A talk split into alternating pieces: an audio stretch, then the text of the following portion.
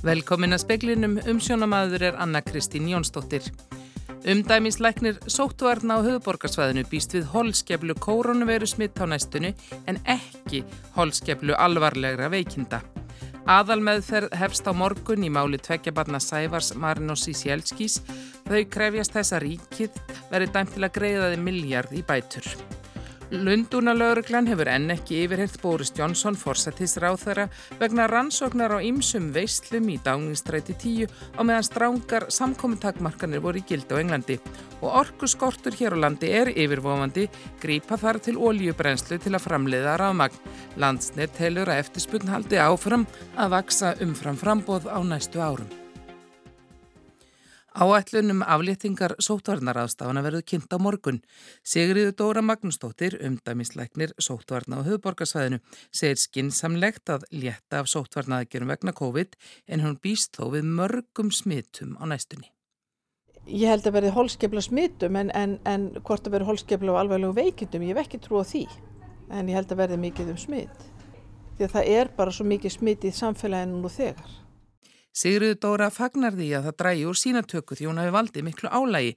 Hvetur þó fólk til að fara í enginna sínatöku ef það finnur fyrir enginnum COVID. Hætt sé við því að fólk sem smittast en fær ekki greiningu sé áfram smittandi úti í samfélaginu.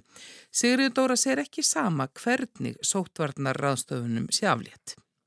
Nei, ég er alveg mjög fylgjandi því að þetta veri gert í skrefum, markvissum skrefum, eitt skref af einu, þá getum við skoða hvað gerist og svona. Höfum, það er líka bara miklu erfiðar að snúa tilbaka ef illa fer ef það er búið að aflita allir í einu. Við erum búin að reyna það og við ætlum ekki þanga, ég mæl ekki með því að vera færað þanga aftur. Saði Sigriður Dóra Magnúsdóttir. Tvö af börnum Sævars Marnás Sísjælskís krefjast þess að Íslenska ríkið verði dæmt til að greiða þeim tæpan miljard króna í bætur. Aðal með þerverður og morgun í hérastómi Reykjavíkur þau vísa til laga sem alþingi samþykti eftir að hæstiréttur síknaði sagborninga í guðmyndar og gerfinsmálum. Íslenska ríkið greitti 774 miljónir til þeirra sem voru síknaðir í málinu og til maka og barna þeirra tvekja sem þá voru látnir. Afkomendur Sæfars fengu samtals 239 miljónir. Bætunar útlókuð ekki að hægtir það höfða dómsmál vegna frekari bóta. Nú hafa tvö af fimm börnum Sæfas höfðað mál. Þau segja í stefnu sinni að þau geti ekki fallist á að fyrrnend innborgun upp í bótakröfur þeirra jafngildi fullum bótum með hliðsjón af aðstæðum föður þeirra frá handtöku í desember 1975 til dánardægurs. Ekki fyrir finnist jafn alvarleg brot ofinbers valds á réttindum sakborninga og í máli föður þeirra og annara sem voru sakveldir á sínum tíma. Landsréttur hækkaði nýverið bætur til tvekja sakborninga í Guðmundar og Gerfinsmálum þegar Guðjáns Skarpiðinssonar og Dánarbús Kristjáns Viðar Júliussonar var ríkið dæmt til að greiða þeim samtal 610 miljónir króna. Kröfu Dánarbús Tryggvarúna Sleifssonar var hins vegar hafnað. Börn Sæfars vísa til laga sem alþingi samþygt í desember 2019 þar sem ráð þeirra var heimilað að greiða bætur til hennar síknuðu og aðstandenda þeirra þar á meðal barna hinn að látnu. Þau segja laugin verði ekki skilin öðruvísi en að um bótarkröfu barnana fari með sama hætti og um bótakröfur hinn að levandi. Freyr Gíja Gunnarsson tók saman og nánar er fjallaðum þetta á rúf.is. Boris á þeirra Breitlands, hefur enn ekki verið yfirherður vegna rannsóknar lundurnalauruglunar og ýmsum veistlum í dáningstræti 10 á meðan strángar samkomi takmarkanir voru í gildi vegna COVID-19 farsóttarinnar. Skýrsla siðamistara stjórnarinnar sem rannsakaði málið hefur enn ekki verið byrt. Cressida Dick, lauruglustjóri í Lundunum, tilkynnti á þriðju dag að rannsókn var í hafin á vissluhöldum forsættisráþurans og starfsliðs hans sem breskir fjölmiðlar kalla Partygate. Boris Jónsson hvaðst fagna tíðindunum og lofaði að gefa lauruglunni allar upplýsingar sem hún færi fram á. Rauters fréttastofan hafði í dag eftir talsmanni forsættisráþurra ennbættisins að hann hefði enn ekki verið yfirherður. Sú grei, síðamestari Bresku ríkistjórnarinnar hefur einnig unnið að rannsókna á málinu. Talið er að ef niðurstaða hennar verður að versta veg verði Boris Johnson að segja af sér. Skýrsla svo grei verður ekki byrtað sinni vegna þess að lauruglan hefur hafið sína rannsókn. Stjórnaranstæðingar á breska þinginu kröðvust þess í gær að þegar skýrsla grei kemi út þum byrt ofinberlega í held og ekkert dreigið undan. Embætti fórsættisra á þeirra sagði í dag að þar á bæ hefði ekkert verið gert til að stöðva ótkomu skýrslunar og að hún erði gerð ofinber. Ásker Tómasson sagði frá. Bæjar fulltrúi viðreistnar í Kópói leggur til að undirbúningur deiliskipulags á nýri íbúabigði Vassendalíð verði hafinn þegar í stað, meðal annars til að mæta skorti á húsnæðismarkaði. Theodóra S. Þorsteinsdóttir bæjar fulltrúi lagði tiluguna fram á fundi bæjar áðs í dag og samþyktir á þið að vísa erindinu til umsagnar sviðstjóra umhverfi sviðs. Theodóra segist leggja til að hafinn verði undirbúningur á deiliskipulagi. Sérstaklega vegna þess að það verið mikil umræðum um, um húsnæðismarkaðin. Það sem er verið að tala bæði að, að, hérna, að ábyrg setjafélagana um, um frambóðu lóðum og verðið á húsnæðismarkaðinum og síðan er líka bara það að, hérna, að mínumati er um að ræða eitt uh, fallegasta byggingarland á höfbruksæðinu þar sem að er mikil ásúkn í segir Theodora. Þörf sé á nýju skólakverfi með grunn og leikskóla. Ágættir samstaða séum málið innan bæjarstjórnarinnar.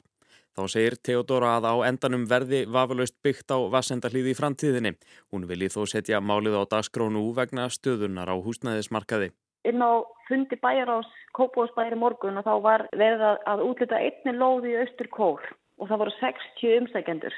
Það er alveg gríðarlega eftirspurn eftir bæði fjerbílum og lóðum uh, og við vitum það að, að fólki þessu hverfi vil mögulega sko stakka við sig eða beita til sagði Theodora S. Þorsteinsdóttir Þorgnýr Einar Albertsson talaði við hana. Sveitarstjórn Norðurþings hefur samþygt að hefja formlegar viðræður við fyrirtækið Green Fuel EHF um lóð á bakka undir vettnis og ammoniaks framleiðsluver á bakka. Sveitarstjórn er bjart síðan á frekari uppbyggingu. Byggðaráð Norðurþings samþyktu undir lok síðasta árs vilja yfirlýsingu um uppbyggingu vettnis og ammoniaks framleiðsluvers á bakka. Vilja yfirlýsingin gildi út árið 2022. Nú hefur sveitastjórn samþygt að hefja formlegar viðræður við fyrirtækið um lóð við bakka. Kristján Þór Magnússon er sveitastjóri í Norðuþingi. Þetta er verð sem að þarf auðvitað tölvert rannagn til þess að framlega ammoniak og þá að endingu vettni. Hvar stendur þetta núna? Í, þetta er bara svona ein varða í svona verkefnum hjá okkur og við erum auðvitað í, í viðræðum við, við nokkur fyrirtæki um framganga á bakka. Erstu bjart sín á að þetta verði að veruleika á næstu árum?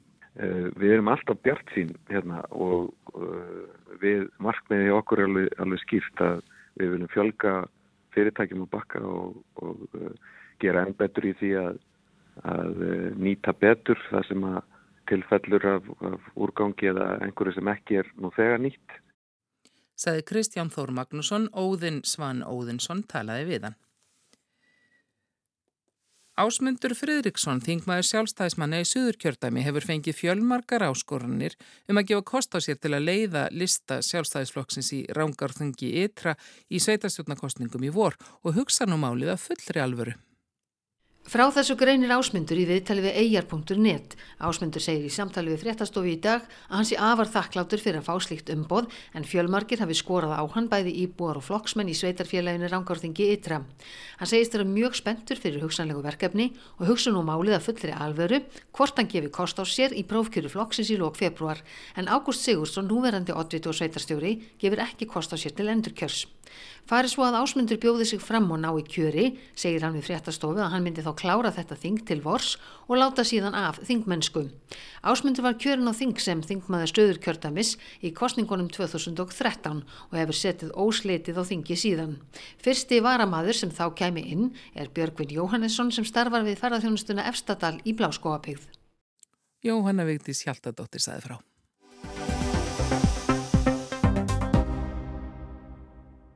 Það stefnir í raforku skort hér á landi.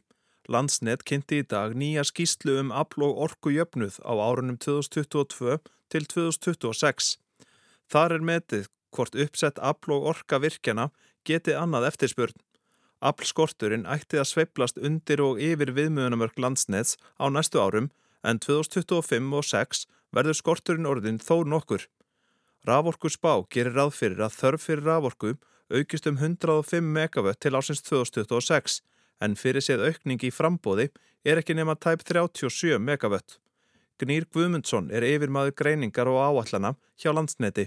Sko helstu niðurstöðunar eru að það lítur allt út fyrir að það sé bara nú þegar orðin orku skortur í landinu. En það er náttúrulega á þessu ári eins og við vitum og, og það er svona viðbúið að þetta ástand sé komið til að vera allavega næstu, næstu ár yfir það tímabil sem skíslanar yfir sem er til 2026. Og af hverju stafa það? Það náttúrulega stafar að því að notkun á rávorku hefur verið, að, hefur verið að aukast jæmt og þétt síðustu árin. Framleiðslu geta rávorku hefur ekki haldið í við þessa þróun. Þannig að bylið á milli þess sem við erum að nota og því sem við getum framleitt hefur alltaf verið að minga og núna er það bara árið það lítið að, að það dögar ekki. Núna hafa svona sveiflur í vassárum eins og það kallað mjög mikið að segja sko. eins og það lítur út fyrir núna þá, núna er slemt vassár á þessu ári eins og við vitum og, og það er þar að skerða talsveit mikið á ráorku og það er hægt við því að á næstu, strax á næsta ári þá þurfum við að, skerða í, í mun betra vassári heldur en nú. Eins og við sjáum þetta þá, þá er þetta bara komið til þess að vera allavega eins og staðan lítur út fyrir dag. Og ef þróunni verður eins og, og ráorku spá gerir á þurir Við vinslu skíslunar var hort til raforku spár til ásins 2060 og tekið tillit til þróunar í almennri nótkunn með við fólksfjöldaspár og litið til þeirra stórnótenda samninga sem þegar likja fyrir. Því er ekki gert ráð fyrir stórfældri aukningu í nótkunn hjá til dæmis stóriðju eða slíku. Þannig að þetta er svona aðalega bara aukning á þessari almennu rávorkunótkun og svo bara þessi áform sem við þekkjum um uppbyggingu á orku framleyslu einingum sem eru ekki mikla núna. Það er verið að byggja einhverjar tvær smá, smávirkjanir sem við þekkjum til og svo er verið að stækka virkjununa út á Reykjanesi um 30 megavött og þetta bara dugir ekki til þess að halda. Það er þarna munur á þessu, það er að bætast við munmeri nótkun heldur en, heldur en er að virkja í rauninni. Sko. Það hefur allt svona allt í hennu sprottið upp þessi umræða um orku skort og rávorku verð það fer hækkandi til dæmis í löndunum í kringum okkur eins og Noregi. Er rávorku paradísin Ísland, er hún ekki svo sama og hún var áður?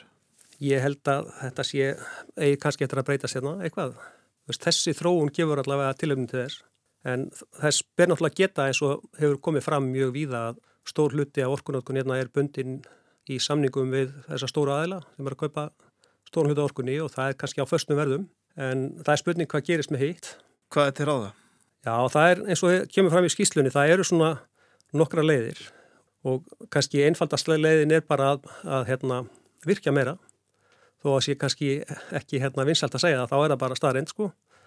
Og svo getur við líka bara að reynda að spara orku eins og rættu öfverðum, það er að segja til dæmis með því að minga töp í þessum kjörfum, dæsti hluti af sóun ráorku í Íslandi er í töpum í hérna, flutniskerfunu sem dæmi og það er gert með því að hérna, byggja sterkari línur eins og við erum nú þegar í gang með að endur nýja byggðalínuna sem er að vera 50 ára gömul. Svo er hægt að hérna, nýta betur þær virkjani sem til eru. Það er, við erum að tapa talsvert mikill í raforku út af flutniskerfinu og það er svona hægt að byrja á því að reyna að nýta það. Og svo er náttúrulega hægt að taka bara ákvörðunum það að, hérna, að minka nótkuna á raforku. Það er bara markvist, það er líka einleið en það er náttúrulega ekkert sem við getum ákvöðið. En það verðist ekki vera neinn stór áform um virkjanir á tekniborinu en þetta er vandamál sem er að fara að skella svolítið á einan fára ára, skemmri tíma heldur en það tekur að byggja virkjanir. Hvað verður hægt að gera í því? Ég held að við þurfum bara að lifa við þetta næstu árin sko. Við þurfum að reyna, að reyna að spara orku eins og við getum og, og stýra því hvernig við, við högum okkur í þessu en það er alveg ljóst að, að það tekur tíma að byggja virkjanir og það eru náttúrulega einhverja virkjanir í undirbúningi en það er ekkert að fara dett inn á næstu tveimur árum. Þannig að þetta, mun, þetta verður svolítið erfitt töfja okkur og við erum að fara að hérna, brenna einhverju ólíu og svona næstu árum, það er bara fyrirsjónulegt. Orku skiptir á fullri ferð og rafvaðing bílaflótans og annara faratækja er þar fyrirferða mikil. Þrátt fyrir fyrir síðan orkuskort segir gnýr að raforkuskorturinn ætti ekki að hamla þeim umskiptum. Ég held að almenningur þurfi ekki að spá í þetta sko. Veist, almenningur getur alveg haldið áfram að kaupa sér ramarsbíla eins eins og þau hafa verið að gera og, og við náttúrulega mælum bara eindreið með því að fólk gerir það sko. Þetta er náttúrulega ekki, kannski ekki að ferri gráðu sko. Til lengri tíma litið er þetta, þú veist, verður við að gera eitthvað í þessu að því að orkuskiptin þau þurfa mikla orku og ég veit að, samorka hefur við, til dæmis verið að skoða þetta mikið sem eru hérna öll orkufyrirtækin og veitufyrirtækin á landinu og stærðagráðuna sem eru nefndar þar eru þess eðlis að, að það er nöðsynlegt að fara í einhverjar aðgeri til þess að mæta þeirri orkuþörf en það náttúrulega kemur ekki inn alveg strax, þetta kemur hægt og rólega til að byrja með allavega. Stæði Gnýr Guðmundsson, Bjarni Rúnarsson rætti við hann.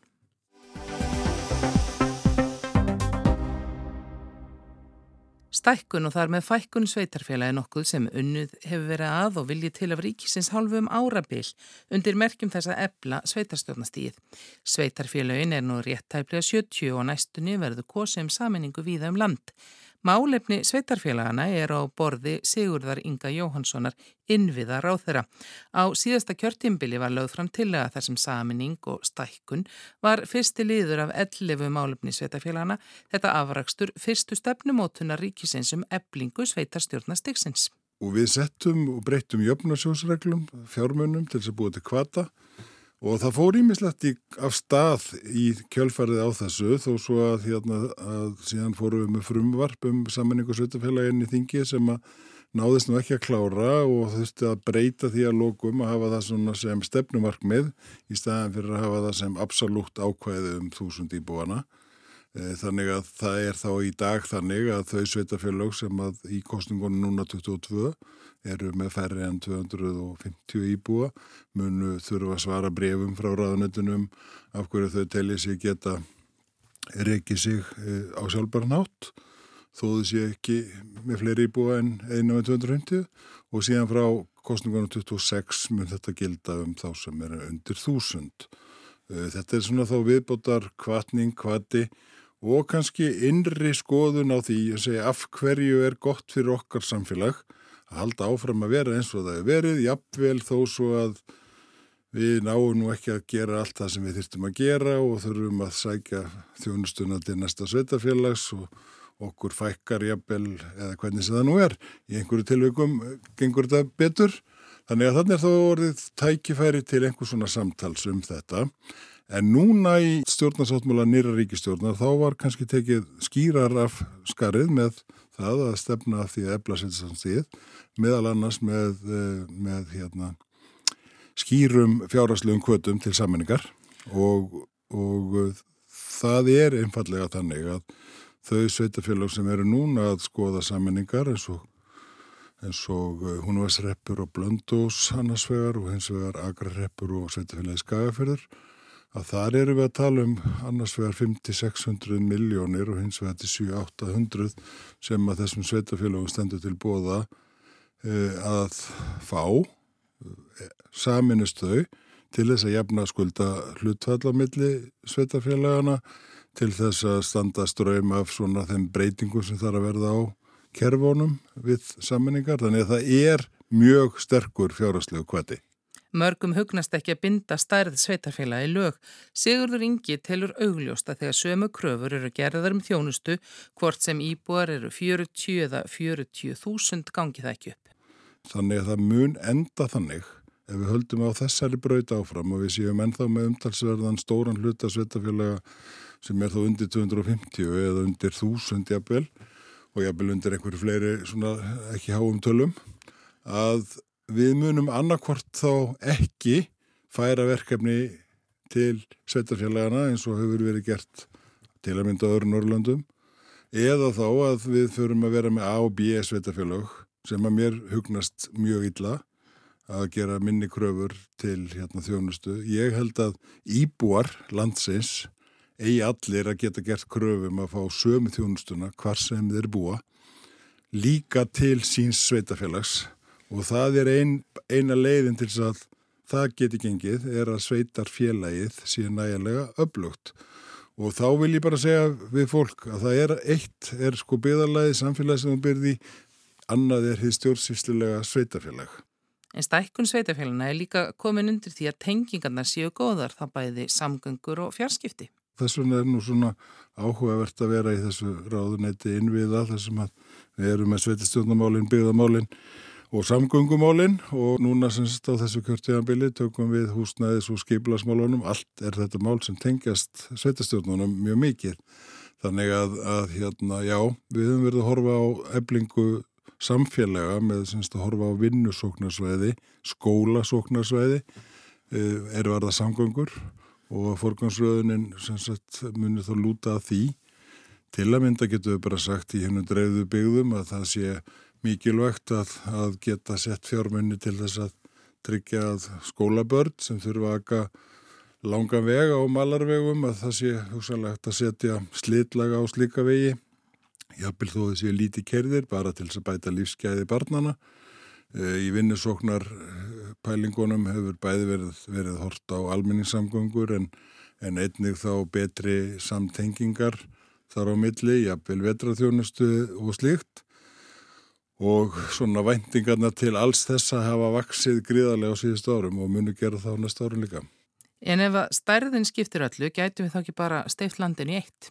Já, þetta er alveg sjónamið sem alveg heyrast en, en ég held nú að stærðin er svo að við erum það stórt land að það verður mjög erfitt e, og, og fjöldin er ekki eitt og þessi ebling sveitisvarnastegsins eru elli við þættir og lúta fjölmörgum árum þáttum. Eins og til dæmis eru sveitafjölur með nægilega tekjur, tekjurskipting ríkis og sveitafjöla, það er eitt verkefni sem er í gangi.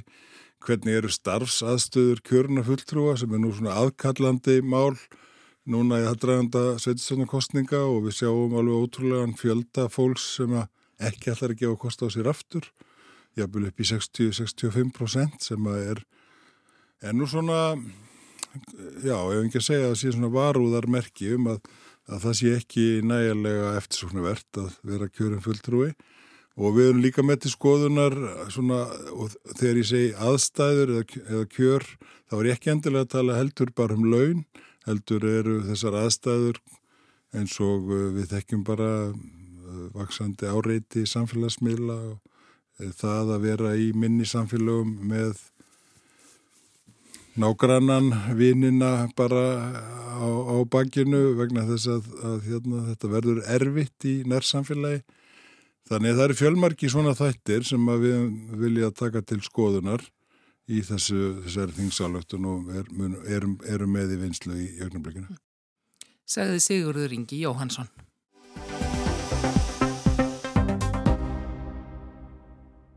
Afríku keppnin í fótbolta er langt komin.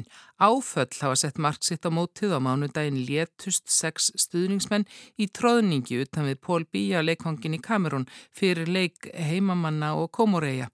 Ljóst er að nýtt nafn verður á byggkarnum í ár. Ríkjandi meistarar eru fallnir úr keppni og vandi meistara þjóðarinnar nær út fyrir knatsbytnuvöllin.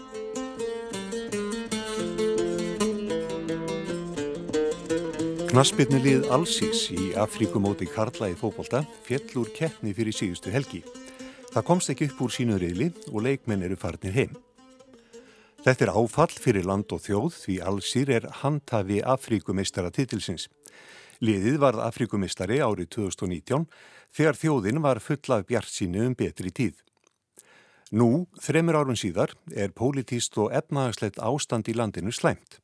Þær vonir sem margir ólu í brjósti eftir fjöldamótmæli Hírak reyfingarinnar árið 2019 og var til þess að Abdelísis Bútuflíka, fórseti hrökklaðist frá völdum, hafa dvínað verulega.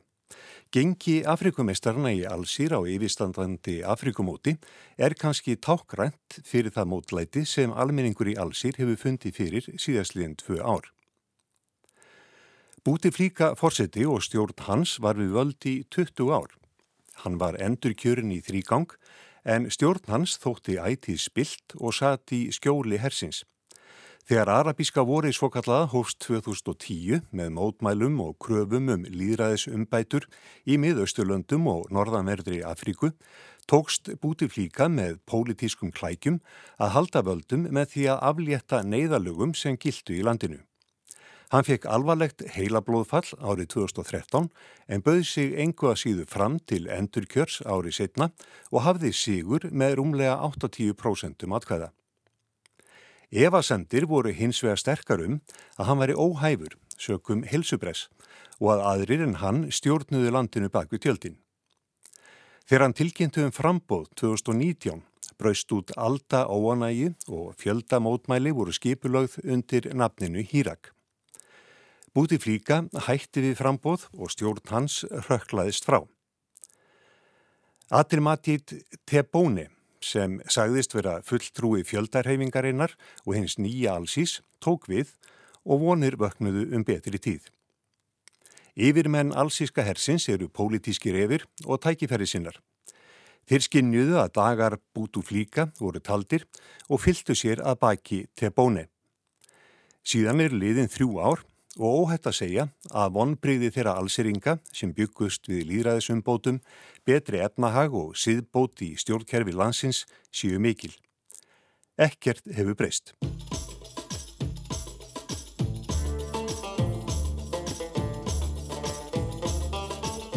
Þíski miðlinn Spíkel fjallaði um ástandið í allsýr fyrir skömmu og rætti meðal annars við Vafi Tigríne, 33 ára allsýring, sem tók þann kost að flýja land í oktober á síðast ári. Og hann var í geitnum það. Alþjóðastofnun um fólksflutninga, sem er dild innan saminuði þjóðana, áallar að 12.000 allsýringar hafi flúi land á síðast ári, mest und fólk. Það flýraði bæði efnaðarslegum og pólitískum ástæðum. Atunuleysi er mikið í allsýr og efnahagurinn hefur farið hríðvestnandi. Engum vegna þess að ólíu auðlindir gefa ekki eins mikið af sér og áður. Þá hefur COVID faraldurinn ekki bætt ástandið. Vavi Tigine tók þátt í hýragreifingunni og hjælt áfram að leggja henni lið eftir valdaskiptin með gaggrínum skrifum um stjórnvöld á samfélagsmiðla. En umbæturnar letu á sér standa og það rann upp fyrir Tigine að ekkert hafi breyst. Stjórnafarið var eins, herin þessi sínilega og ósínilega ógnútum allt og spillingin grassiraði. Hann var handtekinn haustið 2019 fyrir að byrta skrif sem gætu skadað hag þjóðarinnar eins og sagði á kjörni. Hann satt inn í fjóra mánuði við skelvilegar aðstæður þar sem 90 fangar deildu einu klósetti. Í kjölfarið misti hann vinnuna á markaðsteild ríkisfyrirtækis. Í haust fekk hann upplýsingar um að tilstæði að handtaka hann að nýju fyrir aðildað hriðiverkasamtökum sem hefði þýtt margra ára fangilsi. Hann sá þá ekki annar ráð í stöðinni en að flýja og hann gerði það sama og þúsundir ungra samlanda hans. Hann hafði samband við menn sem takaði sér að smikla fólki úr landi fyrir offjár. Hann fór á samt 11 öðrum á litlu mótorbát yfir miðjararhafið og borgaði 4.250 efrur fyrir, 620.000 krónur.